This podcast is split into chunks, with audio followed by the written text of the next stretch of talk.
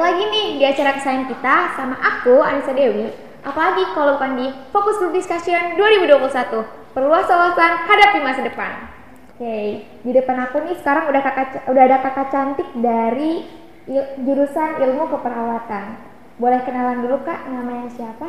Halo, sebelumnya perkenalkan, nama aku Elizabeth Memalo. Aku sekarang lagi kuliah semester 4 di Ilmu Keperawatan Fakultas Kedokteran Universitas Brawijaya. Oke, Kak Meo ya panggilannya. Iya, Eh, apa sih eh, yang membuat Kak Meo itu tertarik untuk masuk ke jurusan ilmu keperawatan? eh, sebenarnya pertama tuh eh, aku waktu itu pertimbangan nilai sih. Terus sama eh, karena aku suka ini rumpun kesehatan, jadinya ya karena terus pertimbangan nilai terus rumpun kesehatan ya udah jadi aku masuk ke ilmu perawatan jadi kayak eh, pilihan terakhir di rumpun kesehatan itu itu pilihan Oh emang karena suka dari eh, emang suka dari rumpun kesehatan gitu ya kak ya? iya bener banget Kak Meo itu masuk ke Ubrau itu lewat jalur apa sih? Kalau boleh tahu? kalau aku jalur SBMPTN SBMPTN. Eh, skornya berapa waktu itu buat masuk ke Universitas Brawijaya itu skornya berapa? Dari uh, nya berapa? Terus kepersyaratan dari sananya itu berapa? Kalau aku waktu itu sebenarnya aku bunuh diri eh kayak bunuh diri gitu buat masuk ke perawatan eh, Brawijaya. Eh, skor aku tuh waktu itu 570 dan itu tergolong rendah banget. Tapi aku kayak eh, ya itu aku nekat banget. Optimis aja gitu ya? Heeh. emang berapa sih skor dari sananya itu? Kalau dari sana sih aku nggak tahu ya, kan emang nggak terang-terangan gitu semua univ negeri no, kayak gitu. Tapi kayak eh, aku dapat apa namanya saran dari tempat lesku kayak ya udah ngambil ilmu keperawatan tapi yang yang lain jangan UB gitu waktu itu. Tapi ya udah aku nekat aja sebenarnya sih. uh, Kameo itu dari angkatan 43 kan ya Iya. otomatis udah pernah ngerasain dong uh, kuliah secara offline Iya. gimana sih apa sih bedanya so- off- uh, kuliah offline sama kuliah online Perbedaannya sih eh, sebenarnya cukup signifikannya di praktek. Kan nggak asik banget tuh kuliah online, eh offline di eh, prakteknya itu. Oke, kalau offline-nya itu tuh lebih seru menurutku kayak praktek-praktek yang pernah aku jalani itu kayak suntik suntikan, terus eh, kayak cek eh, fisik, pemeriksaan fisik kayak gitu-gitu. Sebenarnya sih lebih asik offline sih. tertantang gitu ya Iya bener. kalau online berarti itu gimana prakteknya Sebenarnya cuma nonton video doang dan itu nggak asik. jadi nggak bisa ngejalan ngepraktekin langsung gitu ya Iya. penasaran Bener. Eh, jadi eh, rutinitas kegiatannya itu kalau online itu cuma hanya nonton video gitu aja kayak Iya. Nonton video sama eh, isi kuis gitu. eh, suka dukanya apa sih eh, masuk ilmu jurusan ke keperawatan? Sebenarnya sih eh, oke. Dari dukanya dulu kali ya. Iya boleh. Oke, kalau duka yang aku rasain itu eh, adanya miskonsepsi di masyarakat.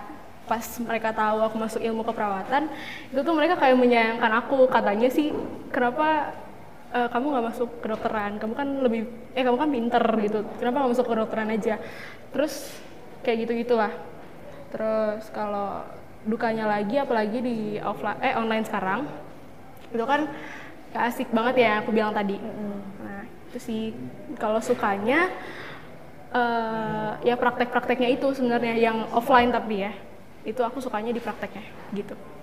Eh, emang kan tadi kan katanya kakak eh, dapat apa sih komentar orang-orang kenapa nggak masuk uni eh, apa sih jurusan kedokteran aja? Kenapa kami Kameu itu nggak masuk ke jurusan kedokteran? Kenapa? Kenapa? Pertama aku sebenarnya lebih prefernya tuh ke kedokteran gigi. Cita-cita aku tuh kedokteran gigi. Cuma eh, waktu aku mau daftar SBM itu, aku nggak dibolehin sama mamaku. Bener-bener dia kayak nentang eh, cita-citaku itu. Jadi hmm, ditambah juga nilai aku yang segitu karena ngedown nggak dikasih ke kedokteran gigi. Jadinya eh, ya udah aku milih ke sini. Keperawatan. Iya. Eh, di jurusan ilmu keperawatan itu ada hal-hal unik apa aja sih kayak ada yang beda, ada sesuatu yang wow gitu dari ilmu perawatan apa gitu? Yang wow itu ya jadi lebih tertantang untuk me, apa ya namanya untuk merubah miskonsepsi di masyarakat. Kan miskonsepsi di masyarakat itu banyaknya ya perawat itu jadi pembantunya dokter ya kan? Nah eh, kita sebagai mahasiswa keperawatan itu kayak menen- eh, me- membuktikan kalau miskonsepsi di masyarakat itu nggak benar sebenarnya. Kita punya ilmu sendiri dibandingkan eh kalau di kedokteran kan ilmu sendiri keperawatan ilmu sendiri jadi kita lebih eh, sebenarnya lebih bagusnya tuh dibilangnya berkolaborasi bukan jadi pembantu kayak gitu sih Eh, apa sih harapan dan cita-citanya ke depannya itu kan Kameo kan itu kan masuk ke jurusan ilmu keperawatan. ya Nah itu apa sih cita-cita Kameo ke depannya gitu? Mau lebih fokus ke apa gitu setelah nanti lulus? Eh, kalau lulus eh aku kan ambil S1 ya kalau lulus S1 aku mau ngambil spesialisasi tapi spesialisasinya itu belum belum tahu mau apa tapi adalah Eh, Oke kita lanjut ke sesi selanjutnya yaitu sesi Q&A. oke Jadi kita itu udah merangkum, udah mendata beberapa pertanyaan dari siswa-siswi SMA Negeri 1 Cibinong yang ingin ditanyakan dari seputar jurusan ilmu keperawatan. Yap. Yang pertama itu, aku sebutin ya yang pertama, Oke. mending D3 atau S1 kalau ngambil jurusan keperawatan. Hmm, sebenarnya itu tergantung pertimbangan masing-masing sih. Kalau waktu itu aku kenapa ngambil S1 ya karena aku ngejar SBM. Eh gimana ya? Eh, SBM kan emang ini ya S1 semua. Pertama itu SB, aku ngejar SBM, terus kedua eh, kenapa nggak ngambil D3 karena pertimbangan waktu juga. Kalau D3 mengambil spesialisasi itu kan harus eh, nginjek S1 dulu. Jadi banyak eh, membuang waktu di situ.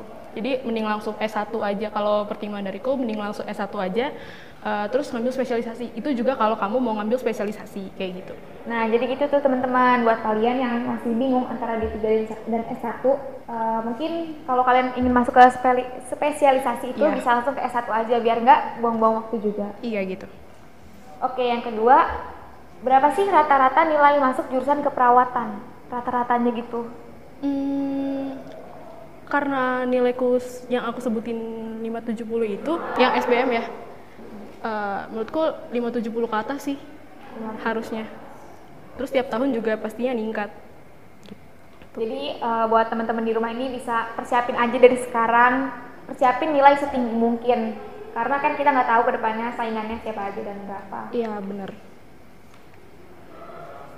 Hmm, terus selanjutnya, lebih banyak praktek apa teori? Kalau S1 itu, aku kan ambil S1. S1 itu tuh lebih banyak teorinya, tapi eh, ada prakteknya juga sih. Cuma teorinya itu kita lebih banyak eh, dikasih tahu gimana cara proses penyakit gitu. Nah, jadi dengan teori-teori itu kita jadi lebih terbuka aja gitu.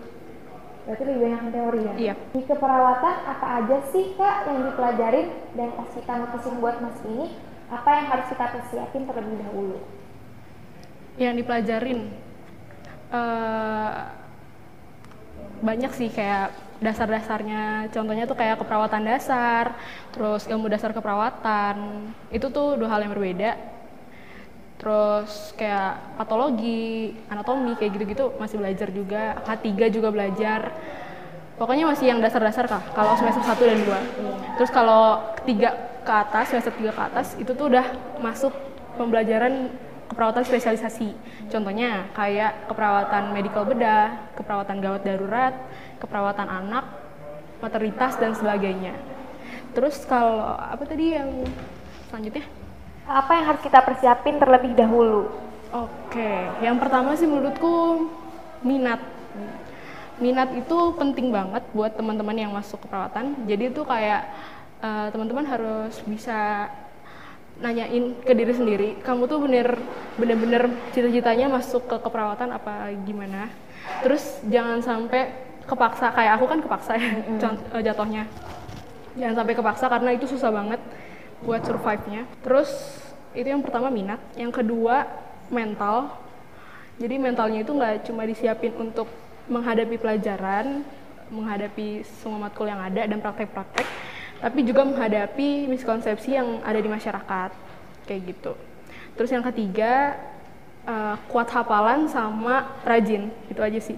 Nah, oke udah denger kan tadi apa yang kamu bilang. Jadi, kalau apa sih yang buat kalian persiapin itu? Yang pertama itu ada minat, yang kedua mental dan harus kuat untuk menghafal Iya, hafalan dan rajin. dan rajin. Rajin-rajin ya teman-teman. Eh, oke, sebelum kan udah udah aku tanyain nih semuanya pertanyaan dari teman-teman.